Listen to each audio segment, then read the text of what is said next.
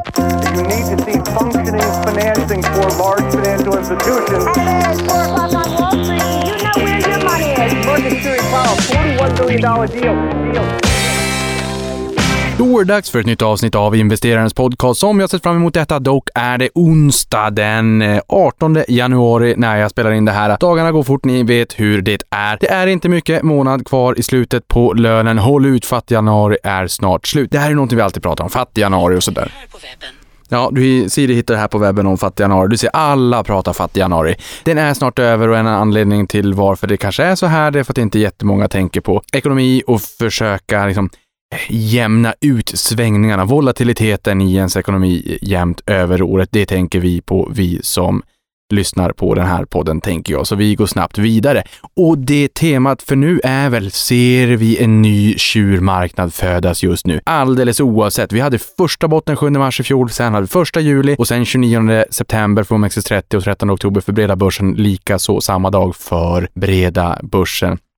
Likaså samma sak för den amerikanska börsen. Och där hade vi en inflationssiffra som eh, överraskade marknaden lite grann, gjorde marknaden besviken. Det var rakt ner i källaren intradag, det var liksom reflexmässigt och sen så insåg man att aha, är det nu vi har sett toppen och att det faktiskt börjar falla tillbaka? Så att reflexmässigt sålde vi av och sen tänkte vi vänta nu, det här kanske är någonting annat vi ser här och nu. Börsen steg 3,2 procent intradag från, eh, från dagslägsta.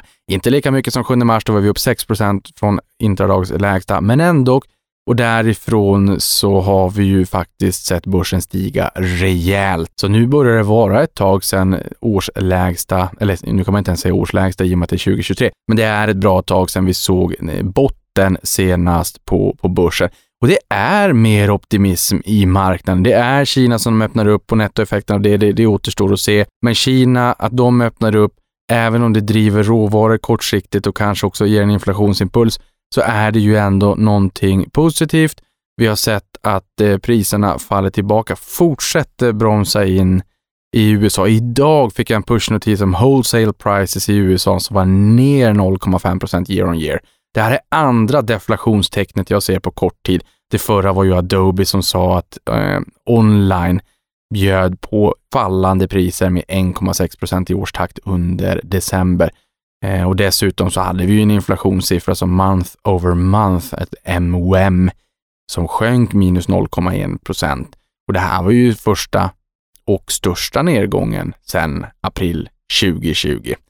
Eh, så det händer grejer. Det är upp som en sol och förhoppningsvis ner som en pannkaka.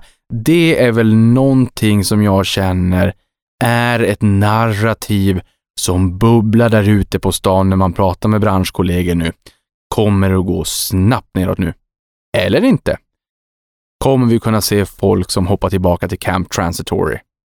Det är därför den här världen är spännande och intressant. Förra veckan bjöd på en uppgång på 3,73 procent, 4,06 för OMXSG i breda börsen. Därmed var vi då upp 8,89 på helåret och eh, 9,35 för breda börsen. Och det tingar också ett signalvärde tycker jag här i, när man hör de här siffrorna fladdra förbi sådär. 8,89 för OMXS30, 9,35 för breda börsen. Vad tänker jag på? Jo, det faktum att breda börsen har stigit mer än OMXS30. Så har inte varit fallet på ett tag. OMXS30 brädade breda börsen i fjol med 10 procentenheter, norr om 10 procentenheter. Ni vet, en fågel i handen hellre än 10 i skogen. Det har varit en rotation mot värde och det har fortsatt under ganska lång tid. Den började ju på något sätt etableras i, i vad var det? 9 november 2020 kan det ha varit det. Där någonstans när vi fick beskedet om att man hade ett vaccin mot covid-19 där började vi ju se att man vågade sig tillbaka till den typen av bolag. Och sen har det dragit lite grann växelvis också. Eh, men fördel värde, och det såg vi även i USA i fjol, att Nasdaq föll 33,1 procent eh, under året, medan Dow Jones föll 8,88. En rejäl skillnad. En rejäl skillnad. Vi har inte sett så stor diskrepans sedan IT-kraschens dagar. Och nu ser vi ju att amerikanska Nasdaq är upp dubbelt så mycket som Dow Jones. En reversal möjligtvis, liksom en återgång eh, lite grann efter att gummibandet har stretchats, men jag tycker att det här är intressant. Tittar vi på S&P 500, jag kanske sa det i förra avsnittet också, i sådana fall ber jag om ursäkt, men energi var ju den sektorn, enda sektorn som steg i fjol och också den bästa sektorn då. Eh, eh, onekligen. Steg 59 procent, det var bästa året för energi någonsin. Eh, och eftersom man började året med en viktning kanske på en 4-4,5 procent och sen så steg man en bra bit däröver. Vissa säger nu energi kommer gå till 30 procent av index. Så har det varit förr om åren för ganska många årtionden sedan att olja var dominerande, sen blev det tech. Vad framtiden tingar, vi får väl se. Eh, och vi får väl också se mixen mellan eh, den liksom, brun energi och grön energi och hur det kommer att stå sig. Men det känns någonstans som att vi väldigt ofta lite för enkelt extrapolerar det som har varit. I början på det här året så såg vi dock att det var en 180 graders svängning där energi gick sämst och det som hade gått sämst, det gick faktiskt bäst. Communication services gick, eh, gick sämst i fjol och har gått väldigt bra eh, nu i början på det här året. Och det här ser vi ju på OMXS30 också. Alltså fjolårets blysänken har varit årets vinnare. Tittar vi då fram till slutet på förra veckan var Sinch upp 37% SBBB upp 32% och Kinnevik upp 19% Vilka bolag och aktier tror du att vi hittade i den absoluta botten i fjol? Ja, det var ju de här. Och det är ju klart att Sinch och SBB är en liten proxy på riskvilja.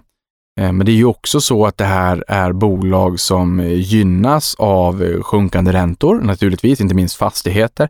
Här i slutet på förra året så var jag intervjuad i, i någon tidning. Det, det, de frågade mig lite grann hur fondsparare ska tänka. Då menade jag på småbolag, fastighetsbolag och tech. Det är nog rätt intressant.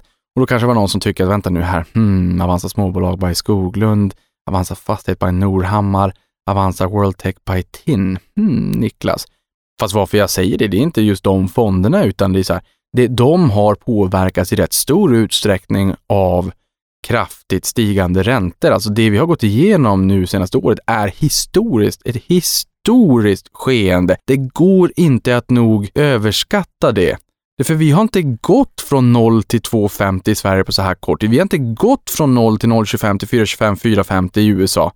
Eh, och det är klart att räntan var på en 20 procent någonstans när man knäckte ekonomin på början på 80-talet och var tvungen att höja jättedramatiskt. Absolut, men det här har gått otroligt snabbt. Och nu har vi tagit det. Nu räknar ju marknaden i USA någonstans med runt 5 procent. Det är klart att det alltid kan bli värre, men någonstans har vi tagit en, en rätt rejäl chunk av det här redan. Så en, en, liksom en kopia av fjolåret? Nej, jag tror inte det. Jag har väldigt svårt att se det. Och sen är det klart att jag menar, det vi pratade om i fjol, det var multipel kontraktion och det vi pratar om i år, det är ju vinsterna och vart vinsterna kommer ta vägen. Och det är ju klart att är du väldigt, väldigt duktig på att försvara dig eh, prismässigt, ja men eh, säg pricing power, det är någonting vi har pratat om väldigt, väldigt mycket under fjolåret med, med väldigt hög inflation. Eh, och det, det, ser man ju i sådana fall på bruttomarginalen om det är så att man lyckas försvara stigande kostnader, inte minst liksom inputkostnader, råvarukostnader, allt vad det är. Lyckas man hålla uppe bruttomarginalen jättebra. Bruttovinsten möjligtvis för att man kanske får någon form av volymeffekt eller någon form av dynamisk effekt. Men just bruttomarginalen, det är ju jättebra. Om man inte har pricing power på det sättet, ja men då måste man ju hålla tätt bakåt. Då måste man jobba med rörelsemarginalen. Alltså vad har vi för kostnader och hur kan vi skära i kostnader för att ändå hålla uppe lönsamheten en våning nedanför. Alltså en våning nedan från eh, eh, bruttomarginalen då, ner på, på rörelsekostnaden och ner då rörelsemarginalen så att säga. Och sen är det klart, en del bolag kommer ju få fördyrade finansieringskostnader. Det gäller inte minst fastigheter. Det har marknaden tagit rejält med höjd för. Nu kan det vara så här att vi ser att marknaden kanske inte är lika stressad, att det kanske snurrar lite bättre och fastigheter är ju de som utgör en 40, 45, 50 procent kanske av eh, upplåningen på företagsobligationsmarknaden. Det fick vi ju lära oss när kreditvärden gästade podden här. Eh, och en del har ju lånat upp på lite längre tid och man har inte något behov av refinansiering förrän om något år. Då kan vi få se att det faktiskt har fallit tillbaka, för nu har ju inflationen fallit tillbaka ganska rejält i USA som, som ligger före. Eh, och det marknaden tog fasta på eh, vid non-farm payroll-siffran som var tidigare än, än inflationssiffran, det var ju att timlönerna föll tillbaka. Ehm, de som är lite mer försiktiga menar ju att ja, men det beror ju naturligtvis på att det är de med väldigt höga löner som har ehm, som har tappat sina jobb och det påverkar snittsiffran i stor utsträckning. Så kan det ju vara. Men också det här med, ehm, med sysselsättningen, kom väl in på 223 000 nyskapade jobb jämfört med 200 000 förväntat. där är det ju många som lyfter bristen i att ja, absolut, det var ju fler nyskapade jobb än vad man trodde. Men eh, mäter ni hur många personer det är som, som har flera jobb, alltså att man jobbar deltid, att man adderar ihop flera jobb, det vill säga att man jobbar mer än heltid, eh, att man, man har ett flertal jobb för att kunna få det hela att gå ihop. Eh, det ger ju ett annat sken av arbetsmarknaden och sen finns det ju en matchningsproblematik också. Att man, även om det finns väldigt många människor som står till arbetsmarknadens förfogande och bolagen skriker efter arbetskraft, det måste ju matchas också. Jag menar, det är ibland eh, när folk säger att men Niklas kan du inte gå ner i, i serverrummet och bara starta om nu det här eh, så, så att det löser sig om det är något strul.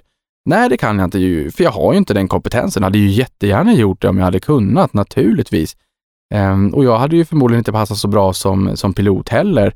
Ehm, och jag hade förmodligen inte passat så bra som lokalvårdare heller för att jag är kanske lite slarvig där. Eller, eller inte i och för sig. Nej, jag är inte slarvig. Jag ska inte hålla på och bäsa mig själv. Nåväl, jag tycker att det här är ganska intressant, att det är lite upp och nervända världen. Och jag menar, vi ska inte heller underskatta signalvärdet av att vi är i positivt territorium sen helåret, alltså year to date nästan tvåsiffrigt. Och jag skrev ju i fjol om eh, det bortglömda börsrallyt och försökte plantera idén då medialt. Alltså, skriv om det här. Vi ser en rätt, ett, ett rätt bra drag på börsen. Och det är ju klart att OMXS30, där, där är mycket bank och verkstad. Verkstad gynnas av den fallande, fallande kronan, eller svaga kronan. Den var svag från början, den har varit svagare. Och bank gynnas av stigande räntor så att man, man ser räntenettot eh, pinna på uppåt. Provisionsnettot kanske, ja, i, i, kanske inte lika tydligt, men, men räntenettot i alla fall. Eh, och de håller emot lite grann, men vi hade ju en krasch på börsen i fjol, både i Sverige och i USA. Det ska jag inte prata så mycket om, för det har jag tjatat så mycket om. Men det är ju nu vi ser liksom att snittaktien har varit upp med 45 procent sedan eh, årslägsta i fjol fram till då slutet på förra veckan. Nu börjar ju faktiskt narrativet ändras också, att, att det är lite mera fart under galoscherna. Och jag kan också se att på menyn i veckan så står, eh, på Avanza-podden då, så står det ett avsnitt med Adam Kostial som är europeisk noteringschef på Nasdaq, Nasdaq Stockholmsbörsen som ligger i Frihamnen då i Stockholm. Finansplats Stockholm som det skulle bli en gång i tiden. Och det här är ett superintressant avsnitt, kommer ut på torsdag, där vi vill veta att det var finsk sauna 2021, det var permafrost 2022. Vad har vi att vänta av 2023? Eh, och, och, vad finns det för tecken man som småsparare kan titta på för att försöka skapa sig en känsla för om vi står inför ett trendbrott, alltså någon form av kanariefågel eh, Ehm, som en ledande indikator för, för hur det ser ut framåt då helt enkelt. Eh, och som jag sa här nyss, i USA, där är det också fart under galoscherna, men Dow Jones upp 3,5 procent sedan årsskiftet, S&P 500 4,2, Nasdaq 5,9. Så inte riktigt, men alltså nä, nä, nästan dubbelt upp för detta räntekänsliga Nasdaq som har tagit ordentligt med stryk när räntorna tickar på uppåt. Nu tror marknaden att vi har sett peak inflation och marknaden tror nog att vi har diskonterat i, i stor utsträckning större delen av, av ränteuppgången också. Och det här ger en spännande katalysator till tech. Jag menar, det är inte lika mycket motvind nu som vad det har varit tidigare. Sen får vi se vart vinsterna tar vägen det här kvartalet nu när boksluten kommer. Eh, och det är kanske så att det blir tufft för dem Eh, och att vi ser att vinsterna sjunker tillbaka. Frågan är vad marknaden kommer fokusera på, de historiska siffrorna eller framtiden och att man nu också vågar blicka in i, i 2024. Eh, värderingarna är inte jättelåga nu jämfört med när börsen har vänt historiskt. Det ska man ändå ha, ha med sig. Jag har ett eh, citat med där också, där man tittar på vart börsen har vänt eh, historiskt. Och då var citatet At all prior major market bottoms over the past four decades, the forward 12-month PE multiple drops to 9 to 11 times. Det här är Nick Rage på The Earnings Scout.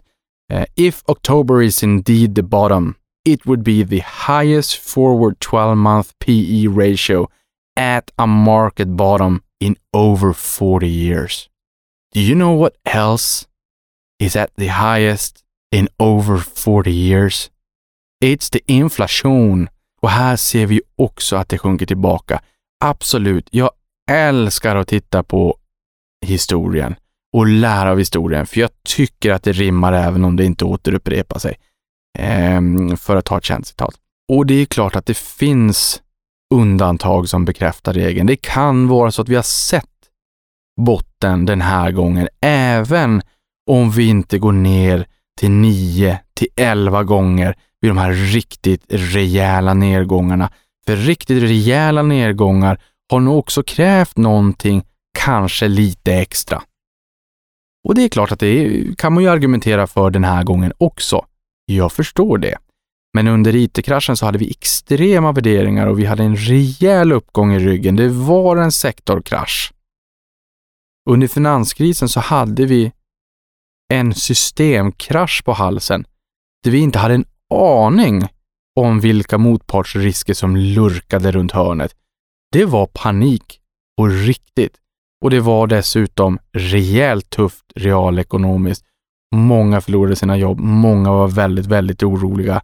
Eh, och börsen föll inte särdeles mycket, den var ner 37 procent fram till 15 september 2008 där börsen fallit i 14 månader. Sen tog vi en nästan lika stor nedgång igen på 43 dagar. Det är värt att ha med sig. Samma sak coronakraschen. Vi släckte lampan för världsekonomin rakt ner i källan också. Panik, total panik. Den här nedgången, recessionen om man så vill, det kan man ju fundera kring om, det blir recession eller inte. Eh, och det lärde vi oss under förra året att två på varandra påföljande kvartal med negativ BNP-tillväxt är inte tillräckligt för National Bureau of Economic Research för de tyckte arbetsmarknaden var för stark.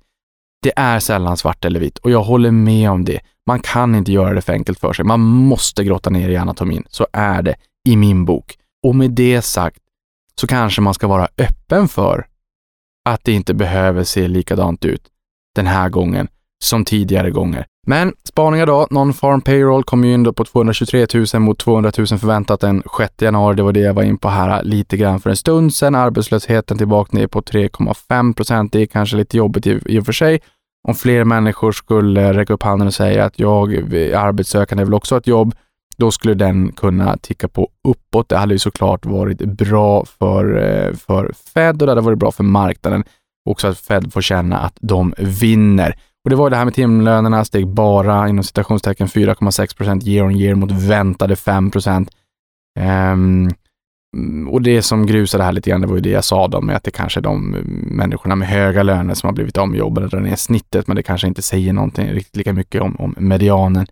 Eh, och att det är många människor har deltidsjobb och sådär. Det kan ju trycka tillbaka de här 223 000 jobben.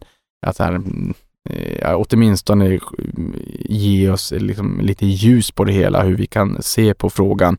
Och sen var det inflationssiffran som jag var in på också, kom in på 6,5 procent year on year på headline och eh, det var det jämfört med 7,1 procent i november. Det var vad marknaden förväntade sig. Kärninflationen kom in på 5,7. Det var också vad marknaden förväntade sig. Det var 6 procent i november. Det här eh, steg ju börsen på också. Det hade nästan kunnat, eller så här, jag tror nog att man hade kunnat ana att börsen inte skulle ha stigit på inline-siffror. Att det liksom lite grann redan hade varit diskonterat med en bra start vi fick på året. Men det steg. Det skapade en uppgång. Det gav en, en, liksom en, en, en skjuts ökad riskvilja. Vad beror det här på då? Det kan man ju bara säga om. Men en sak som jag ändå tycker är intressant, det är ju att väldigt, väldigt många har stått utanför börsen. Väldigt många förvaltare som har varit underviktade aktier, historiskt underviktade aktier. En del överviktar eh, obligationer.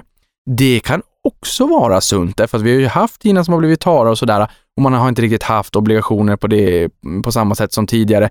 En del ska ju ha obligationer och det beroende på hur placeringsmandaten ser ut. Och nu har vi ett, ett, ett historiskt köpläge på kreditmarknaden, kreditmarknaden, haft ett historiskt köpläge när liksom dammet har lagt sig och det här totala blodbadet, kraschen vi har haft på, på räntemarknaden har bottnat ur så att den här running yield eller förräntningstakten har varit jättehög. Eh, så att det är ju många som tycker på att det här kan bli ett banner year för obligationer. Eh, och så kan det vara. Eh, och det kapitalet kanske semipermanent eller permanent lämnar börsen en del av det så att säga. Och sen i december som jag sa då så såg vi ju deflation online på minus 1,6 procent year on year. Både då datorer och elektronik föll 12 och 16,2 procent. Och här var ju rabatter under julen starkt bidragande och det jag tänker här är så här, men om du inte behöver, varför rabatterar du under julen? Det, det, finns ingen logik för mig, därför att för väldigt många så är det fjärde kvartalet och julhandeln väldigt, väldigt viktig. Så det, min spaning är väl att det är väldigt många som har haft väldigt stora lager och aggressivt har velat ta ner de här, minska risken för inkurans. Eh, och det är en del inom elektronik också där det är liksom generationer, eh, det är så här, äldre generationer av grafikkort som ska tas ner innan Nvidia krämar ut sina eh, nya eh, generationer. Vi har äldre generationer av halvledare innan den nya generationen kommer etc. Alltså för att få ner lagernivåer så att säga. Eh, och jag tror att så här, eh, många vill ha ner sina lager. Det är svårt att ta ner lagerna utan att eh, offra marginal. Eh, och det här är ju någonting som adderar deflationistiskt tryck, inte inflationistiskt. Och det här gäller kläder och det gäller elektronik och det gäller nog allt i min bok. Att många sitter på för stora lager. Hushållen håller hårdare i plånböckerna. Företagen håller hårdare i plånböckerna. Jag menar, företagen är ju fat and happy. Här har man ju köpt in massa telefoner och datorer och paddor och gud och hans moster under pandemin när man skulle jobba hemifrån och sen när, när det var det här hybridkontoret. Där är man ju lite fat and happy just nu. Vi behöver normalisera lagernivåer. Vi behöver no liksom, från en lägre nivå få, få upp efterfrågan sen igen. Det kommer. Eh, men det här är ju för mig snarast eh, en, en, indikation på att det är fortsatt tryck neråt på inflationen, inte tvärtom. Tryck ner på inflationstakten. Även om jag nu har sett två exempel av deflation faktiskt dessutom. Wholesale prices i USA sjönk minus 0,5 procent year on year kom det en pushnotis om idag från CNBC. Sen närmar vi oss rapportsäsongen med stormsteg. Det börjar redan den här veckan och det syns ju även i det här faktum att vi har fått en del vinstvarningar. Electrolux, Kindred, Ubisoft, Logitech, Appenor, Lamour, Eltel, Fiskars omvända vinstvarningar har vi också fått, men det här är, liksom, det här är vinstvarningarna. Eh, de omvända vinstvarningarna har vi fått från Boost, Tobii, Viking Line, Copenhagen Lufthavne, Eh, och, och, här är det ju klart att de här bolagen lyfter ju lite olika saker skäl till de här äh, vinstvarningarna. Men det är tuffare tider där ute. Det är många bolag som kommer att ha det fortsatt tufft under, eh, un, under 2023. Frågan här är ju hur pass diskonterat det är. Och mycket sällanköp har ju fallit väldigt, väldigt mycket. Och jag tycker också lite grann det Electrolux lyfte upp i sin vinstvarning det är någonting som jag tycker är en röd tråd för många bolag. De menar att det här var en konsekvens av svagare konsumentefterfrågan, lagerminskningar hos både återförsäljare och Electrolux och i kombination med förhöjd kostnadsnivå. Eh, och det här har vi ju hört från väldigt många bolag. Återförsäljarna managerar sina lager, man vågar inte eh, ta på sig risk genom att bygga lager. Det är inte slutkunden som som eh, har dragit ner sin efterfrågan. Det här har vi hört från Mips och vi har hört det från Thule. Eh, och det är klart att det, det, stämmer ju till en viss punkt när även hushållen drar ner. Eh, men det kommer ju också till en punkt där lagren är kanske lite för låga, alltså inte bara normaliserade utan lite för låga samtidigt som efterfrågan då eh, normaliseras och, och där kan vi ju få liksom en trevlig swoosh det här med förhöjd kostnadsnivå. Här är vi ju tillbaka till frågan kring pricing power. Kan du skjuta vidare kostnadsökningen på kund eller inte? Accepterar kunden det? Eller har du en hög priselasticitet? Alltså, sjunker efterfrågan mer per enhet du ökar priset. Så att ökar du priset med 10% sjunker efterfrågan 20 ja, då kommer du nog inte riktigt vilja göra en sån förändring bara för att ha ett enkelt exempel. Ehm, men det här är någonting som kommer att vara intressant under den här rapportsäsongen också. Hur managerar man ehm, sin, eh, sina kostnader och hur gör man för att försöka försvara sina marginaler? Det är enklare om du har pricing power än om du inte har det. För har du det inte, då måste du jobba stenhårt med dina rörelsekostnader.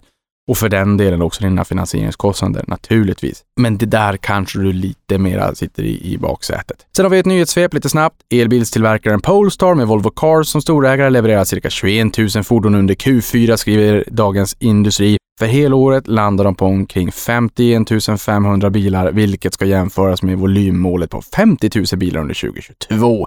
I år förväntas de nå 80 000 bilar tack vare förväntat stark försäljning av Polestar 2 och därefter Polestar 3. Aktierna stiger 12% i år och närmare 50% sedan botten den 24 oktober. Och här eh, blev jag intervjuad av eh, nyhetsbyrån TT där de också sa Niklas, kommer eh, Teslas marknadsandel att sjunka? Och då sa jag ja, det är nästan en självklarhet att den kommer att sjunka. Jag skulle bli otroligt förvånad om den inte gjorde det. Från toppen eh, så har den sjunkit 14 procentenheter, men det som är intressant är att man har gått från, jag tror att det var då 400 000, 3 eller 400 000 levererade bilar till 1,3 miljoner och nu förväntas man leverera 1,8 miljoner under innevarande år, så det är en mindre andel av en större kaka. Eh, och här ska vi också vara medvetna om att global bilförsäljning ligger på ungefär 100 miljoner bilar per år, så det är en ganska imponerande siffra ändå, tycker jag.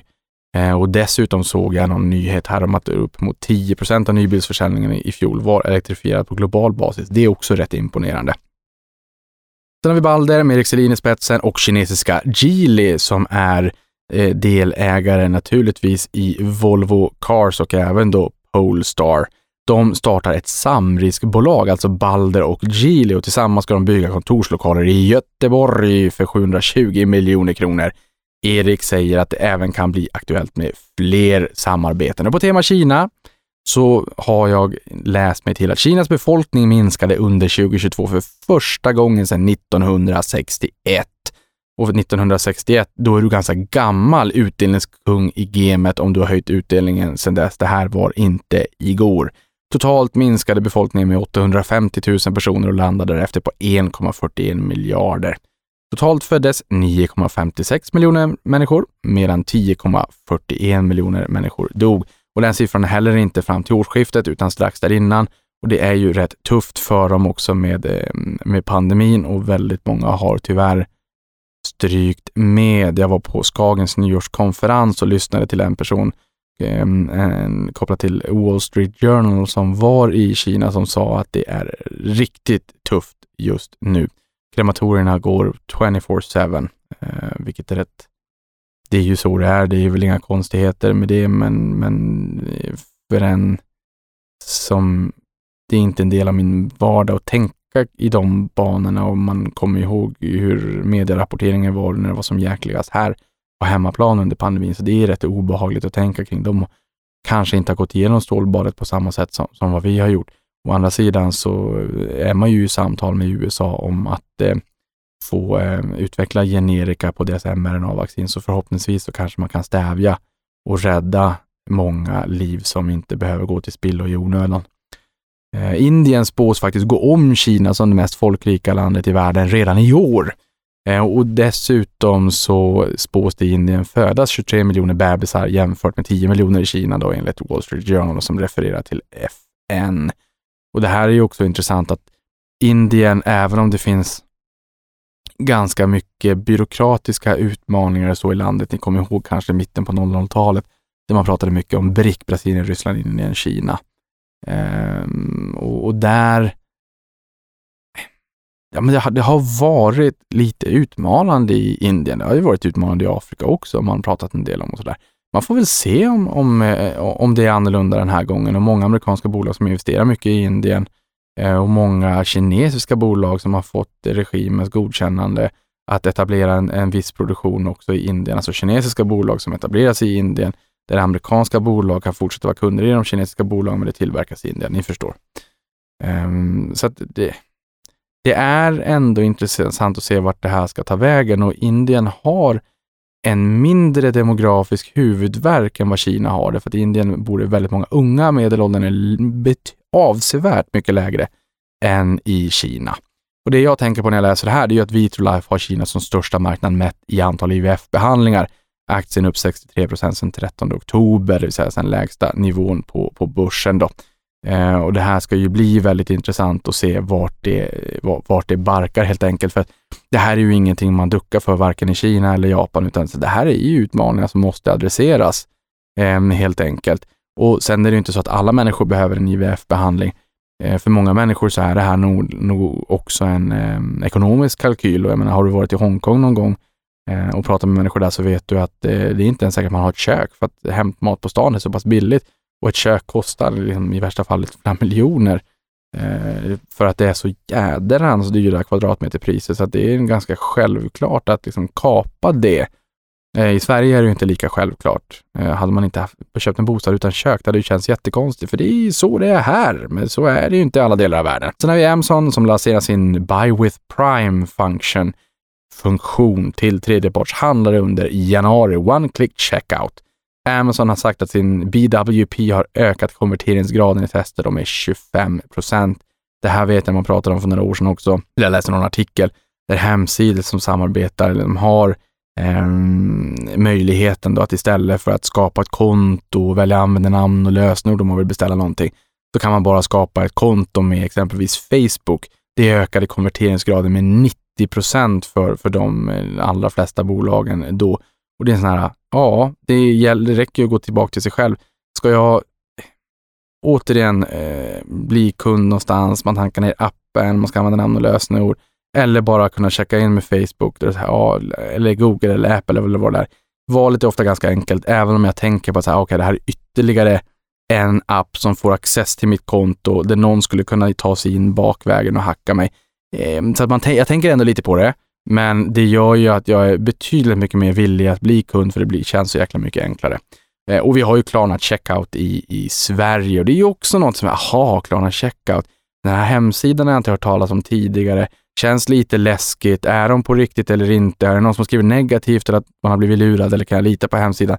Men har jag en Klarna Checkout så vet jag, ja okej, okay, bra, ja men då kan jag lita på det här. Eh, eller om jag liksom kollar på Prisjakt eller Pricerunner, de länkar till någon hemsida i Danmark. Jag hade inte vågat beställa från Danmark eh, innan det. Kalla mig fegis, men är de där så, oh, vad skönt, men då har de liksom satt någon form av kvalitetsstämpel. Eh, och sen så slipper man skriva in, man slipper skapa konto som sagt, skriva in sin adress, kortuppgifter och allt vad det är. Mindre friktion helt enkelt.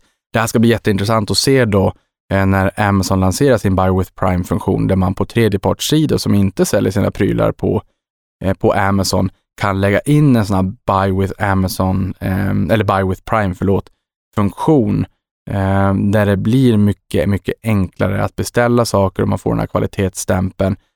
Och det är bara one click, one stop shop helt enkelt. Och, vad det kan tänkas leda till. Då får man ytterligare en intäktsström och är ju inte beroende av att handlarna säljer via sin egen plattform. Det här är något som konkurrerar med exempelvis Shopify och här har Eh, Shopify enligt uppgift då redan meddelat sina handlare som har implementerat Buy with Prime att det strider mot bolagets användarvillkor. För det är faktiskt så att Shopify kräver att handlarna använder Shopify Checkout för all försäljning kopplat till onlinebutiken. Det händer grejer. Sist men inte minst, LVMH steg till nytt all time high i början på den här veckan, varpå börsvärdet nådde 434 miljarder dollar. Den handlas ju i euro, men det var 434 miljarder dollar i artikeln. Säg 400 miljarder eh, euro någonting. Ett marknadsvärde som räcker för att cementera bolagets position som Europas mest värdefulla börsbolag. Eh, här har vi Bernard Arnault som är vd-ordförande, är ju också världens rikaste person. Det här bolaget är ju inte jättegammalt. Det är från 87, samma fina år som jag undertecknat föddes. Men bolagen, varumärkena som man ruvar på är ju extremt anrika. Ehm, så att LVMH är ju lite grann som ett eh, investmentbolag mot lyx. Världens största, världens största, världens största lyxkonglomerat. Eh, och det här har ju inte varit alldeles svårt att se, tänker jag. Det är ju ibland inte jättesvårt att ana. LVMH har ju varit nedtryckt. Nu öppnar Kina upp. Det här kommer naturligtvis addera riskvilliga intresse för aktien och topline. Därför att kineserna köper mycket lyxprylar. Det är mycket LVMH-prylar man köper. Eh, man har haft eh, hårda nedstängningar eh, och det är inte så att man bara är beroende av försäljningen i Kina, för det är faktiskt så här att väldigt många kineser reser ut i vida världen och köper hem LVMH-prylar hem till landet. Men hur ska man ha kunnat gjort det när det har varit hårda nedstängningar och man inte har kunnat resa och handla det här? Ehm, så att i vanliga fall, när allt bara eh, är frid och fröjd, då kommer inte all eh, försäljning försäljning till kineser ske i Kina, utan det sker eh, runt om i världen och inte minst internationella flygplatser och sådär. Ehm, men så är inte fallet när världen är stängd, eller snarare när Kina är stängd och man inte får resa. Nu öppnar Kina upp. Det här adderar naturligtvis efterfrågan. Ehm, och man har sett att den här aktien har pinnat på väldigt snabbt uppåt den senaste tiden. Och med de orden så säger jag tack för mig, avkastning på dig, så hörs vi igen nästa vecka. Tack och hej!